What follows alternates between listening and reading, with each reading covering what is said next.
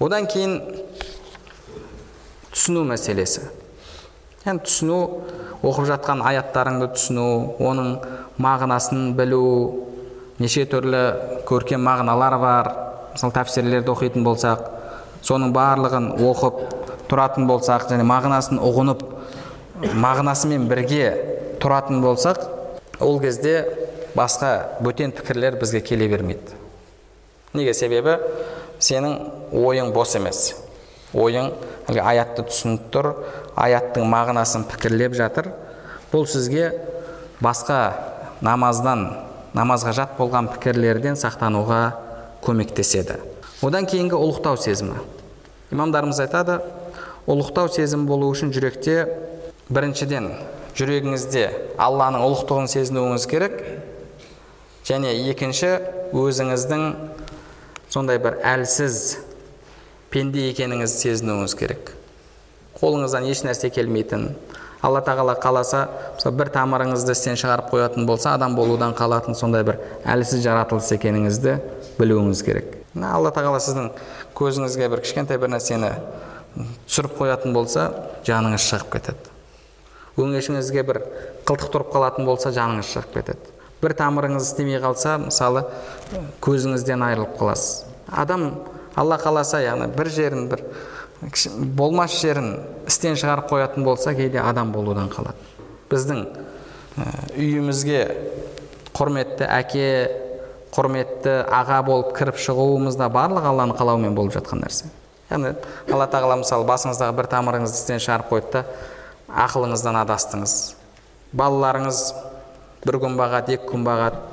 Оларды танымастан үйдегі нәрселерді қиратып суық күнде көшеге қашып шығып кетіп жатсаңыз бір күн ұстап алып келеді екі күн ұстап келеді болмай жатса апарады да енді амал жоқ жындыханаға тапсырады яғни құрметті әке болудан да қаласыз адам сондай әлсіз нәрсе адам сондай әлсіз жаратылыс алланың ұлықтығын сезінумен бірге өзіңіздің болмашы сондай әлсіз жаратылыс екеніңіз сезінетін болсаңыз сол кезде сізде алланы ұлықтау сезімі болады алланы ұлықтау сезімі болады мысалы бір бай адам дүние мал мүлкі жетеді о, өзі сияқты бай бар ол ол байды құрметтейді құрметтейді өзі сияқты бай деп біледі бірақ оның алдында кішірейіп соған мұқтаждық сезіне ме жоқ мұқтаждық сезінбейді неге себебі мен де баймын ол да бай дейді енді жағдайы нашар сол байдың қолында жұмыс істеп жатқан адам бұл адам өзінің бейшара екендігін біледі. Сол беріп отқан айлықпен әйтеуір күнін көріп отқанын біледі. Күнін көріп отырған. Бұның сезімі әлгі бай сияқты болады ма басқа бай сияқты ондай болмайды. Неге? Себебі өзінің кедей пақыр екендігін біледі. Яғни мынау ұлы мен бейшарамын деген сезім болған кезде адамда ұлықтау сезім болады. Алла тағаланың ұлықтығын сезіну өзіңіздің бейшара екендігіңізді әлсіз жаратылыс екеніңізді сезіну. Осы кезде сіздің жүрегіңізде ұлықтау сезімі болады. Ал қорқу сезімі бұл алла тағаланың азабын ойлаумен ақиретті пікірлеумен ертең тозақтағы ауыр азапты пікірлеумен қабір азабын пікірлеумен күнәларыңызды пікірлеп ол күнәларыңызға қандай ауыр жазалар бар? Сол мәселелерді пікірлеумен ойлаумен адамның жүрегінде қорқыныш сезімі күшейеді. Енді қорқынышпен бірге жүрегіңізде үміт те болуы керек. Неге себебі? Алла субханала тағала өзін таныстырған кезде әл қахар әл жаббар деді. Яғни сондай қаһарлы деді.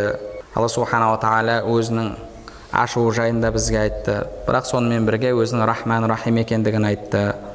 Қатты күнәда шектен шыққан пенделердің өзіне лә тақнату мин менің мейірімімнен менің кешірімімнен күдер үзбеңдер деді. Үміттерің үзілмесін деді. Үмітсіз шайтан дейді бізде. Соның барлығын ойлаумен алланың ар рахман рахим екендігін алла субханала тағала альхамдулиллахи раббил аламин дегеннен кейін артынша ар рахман рахим деді. Яғни өзінің мейірімді рахымды екендігін айтты. Бір имамдарымыздан келетін сөз бар. Егер алла тағала маған таңдау берсе қаласаң сенен есепті есепті ақиреттегі есепті ата анаң алсын. Қаласаң мен алайын деп таңдау беретін болса мен ата анамды емес алла тағаланы таңдар едім. Себебі алла тағала маған ата анамнан да мейірімді дейді. Алла тағала ата анамыздан да бізге мейірімді. Бұл дүниеге алла субханала тағала мейірімділікті жүз бөлік етсе соның бір бөлігін түсірді. Қалған 99 бөлігін алла субханала тағала қияметке алып қалды. Сол үшін де жүрегімізде үмітте болуы керек. Бірақ үмітпен бірге жүрегімізде ұялу болу керек. Біздің құлшылығымыз қандай құлшылық? Алланың лайықтығына жарасатын құлшылық па алланың ұлықтығына лайық құлшылық па? Қандай құлшылық? Соны ойлап пікірлейтін болсақ біздің жүрегімізде ұялу болады. Бір арабтың ақынның жазған сондай бір оқиғасы бар ғибрат үшін. Ол кісі мынандай ойдан шығарылған нәрсені жазған ғой. Бір күні тышқан түйені жақсы көріп қалыпты деді тышқан түйеге махаббат қойыпты тышқан ақын екен неше түрлі әдемі сөздерді бағана өлеңдерді жазады енді түйе әйел болса керек ұрғашы болса керек құлағымен жақсы көріп сонымен ол да тышқанды жақсы көріп қалыпты деді енді жақсы көріп қалғаннан кейін енді бірге тұрайық деді сөйтіп екеуі тышқанның үйіне келеді тышқанның үйін білесіздер былай көреді былай көреді түйе бұған өмір сүруге жарамайды сонда соңында түйе тышқанға айтып деді. Сен махаббатыңа жараса үй сал немесе үйіңе жараса өзіңе махаббат тап деген екен. Соны алып келіп ол кісі айтады сен раббыңның ұлықтығына жараса құлшылық жаса немесе құлшылығыңның деңгейінде өзіңе басқа раббы құдай тауып ал. Сенің мына құлшылығың раббыңның ұлықтығына лайық емес деген сөзді айтқан екен яғни біздің құлшылығымыз қандай құлшылық раббымыздың ұлықтығына лайық па лайық емес пе әлбетте адам қанша әрекет жасаса да пайғамбарымыз саллаллаху алейхи вассалам айтқандай яғни сен өзіңді ұлықтағандай өзіңді мақтағандай мен сені мақтай алмаймын деп пайғамбарымыз саллаллаху алейхи өзі айтып жатыр. Пайғамбарымыздың құлшылығы мен біздің құлшылығымыздың арасы қандай? Көк пен жердей айырмашылығы. Ондай болатын болса бізде алла тағаланың алдына тұрған кезде ұялу сезім болу керек. Яғни намазда тұрамыз өзіміз біліп тұрмыз ана ой келіп жатыр мына ой келіп жатыр түрлі бөтен ойлар. Енді алланың алдында тұрғанымызды сезініп тұрмыз ғой. Адам соның өзінен ұялуы керек та соның өзінен ұялуы керек. Алла тағаланың алдында тұрып басқа нәрсені ойлап тұрсыз.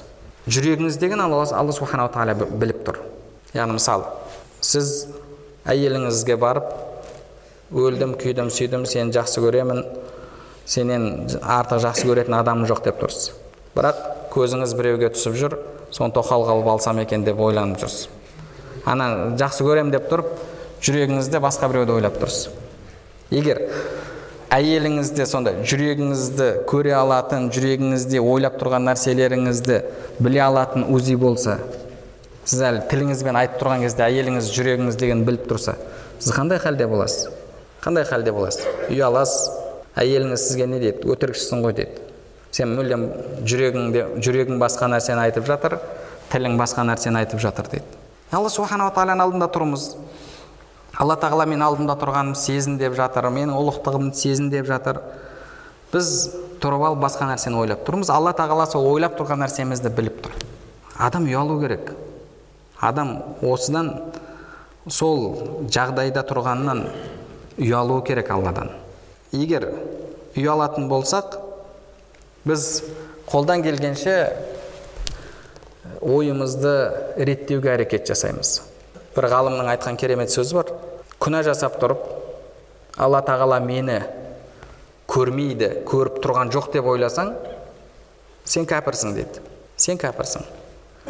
Егер күнә жасап жатып алла тағала мені көріп тұр деп ойлап тұрсаң біліп тұрсаң онда сен ұятсызсың деді онда сен ұятсызсың деді алла тағала біліп тұр көріп тұр періштелер жазып тұр. Егер адамдар көріп тұрса сіз ұяласыз ғой адамдардан адамдардан ұялып сол нәрсені істемейсіз енді алла субханала тағала көріп тұр ғой. Енді намазда тұрсыз. Е алла міне аллаху акбар такбир тахрима міне алла барлық нәрседен ұлық. Мен үшін алла барлық нәрседен ұлы. Дүниеден де мал мүліктен де карьерадан да бала шағадан да барлығынан ұлық. Е алла міне аллаху акбар мен дүниені арқама тастадым деп қолыңызды байладыңыз. Алла тағала көріп тұр. Сөйтіп аллаху акбар субханакаллахума бихамдика деп жатсыз да қап ана жұмыс үйте салу керек еді мынаны бүйте салу керек еді. Ойыңыздың бәрі басқа жақ. Адам алла тағаланың сол сіздің жаман халіңізді көріп біліп тұрғанын сезініп ұялуы керек. Адам намазда тұрған кезде үміт үреймен бірге ұялу сезімінде болуы керек.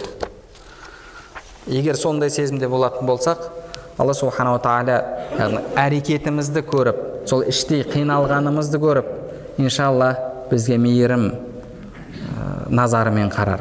Бізге рахым кешірім назарымен қарар. Ең болмағанда сол ұялғанымыз үшін қиналғанымыз үшін әрекетіміз үшін. Ал егер ұялмасақ қиналмасақ сахабалар намаз оқып болып намаз оқып болғаннан кейін сарғайып отырар еді деді. Намазым қабыл болды ма екен деп омар радиаллаху анху екі ракат намазым қабыл болса деді ол мен үшін одан асқан бақыт жоқ еді деді. Сондай уайымда болды. Сондай хушуапен тұр. Ал енді біз намазды оқып болып бір жүкті арқамыздан тастап тастаған сияқты болып бір керемет бір алла тағаланың алдында мысалы намаздан алдын кірген кезде текпешектің төменгі жағында тұрған болсақ жоғарыға шығып кеткен сияқты сезініп тұрып кете берсек уайымдамастан. Бұл біздің немқұрайлығымызды жүрегімізде бір уайымның жоқтығын білдіреді. Ал егер уайымдайтын болсақ қиналатын болсақ қынжылатын болсақ е алла мен жүрегіме дүние қатты кіріп кетті мен сол үшін өзімді жек көріп жатырмын не алла деп ұялып қиналатын болсақ иншалла алла субханала тағала сол сезіміміз үшін мүмкін біздің намаздарымызды қабыл етер мүмкін күнәларымызды кешірер ондай болмайтын болса онда ол намазымыз мүшкіл намаз болып қалады. Алла субханала тағала бәрімізді иншалла сондай хушуапен намаз оқитын пенделерден етсін. Енді намазда тұрған кезде қандай сезімдерде тағы да тұру керек. Алла нәсіп етсе ол мәселелерді келесі дәрісімізде үйренетін боламыз. Алла субханала тағала бәрімізге өзінен қорқатын жүрек берсін. Өзінен қорқып жылайтын бәрімізге көз берсін алла субханала тағала бәрімізге пайдалы білім нәсіп етсін білімдерімізге амал етуімізді және амалдарымыздың қабыл болуын нәсіп етсін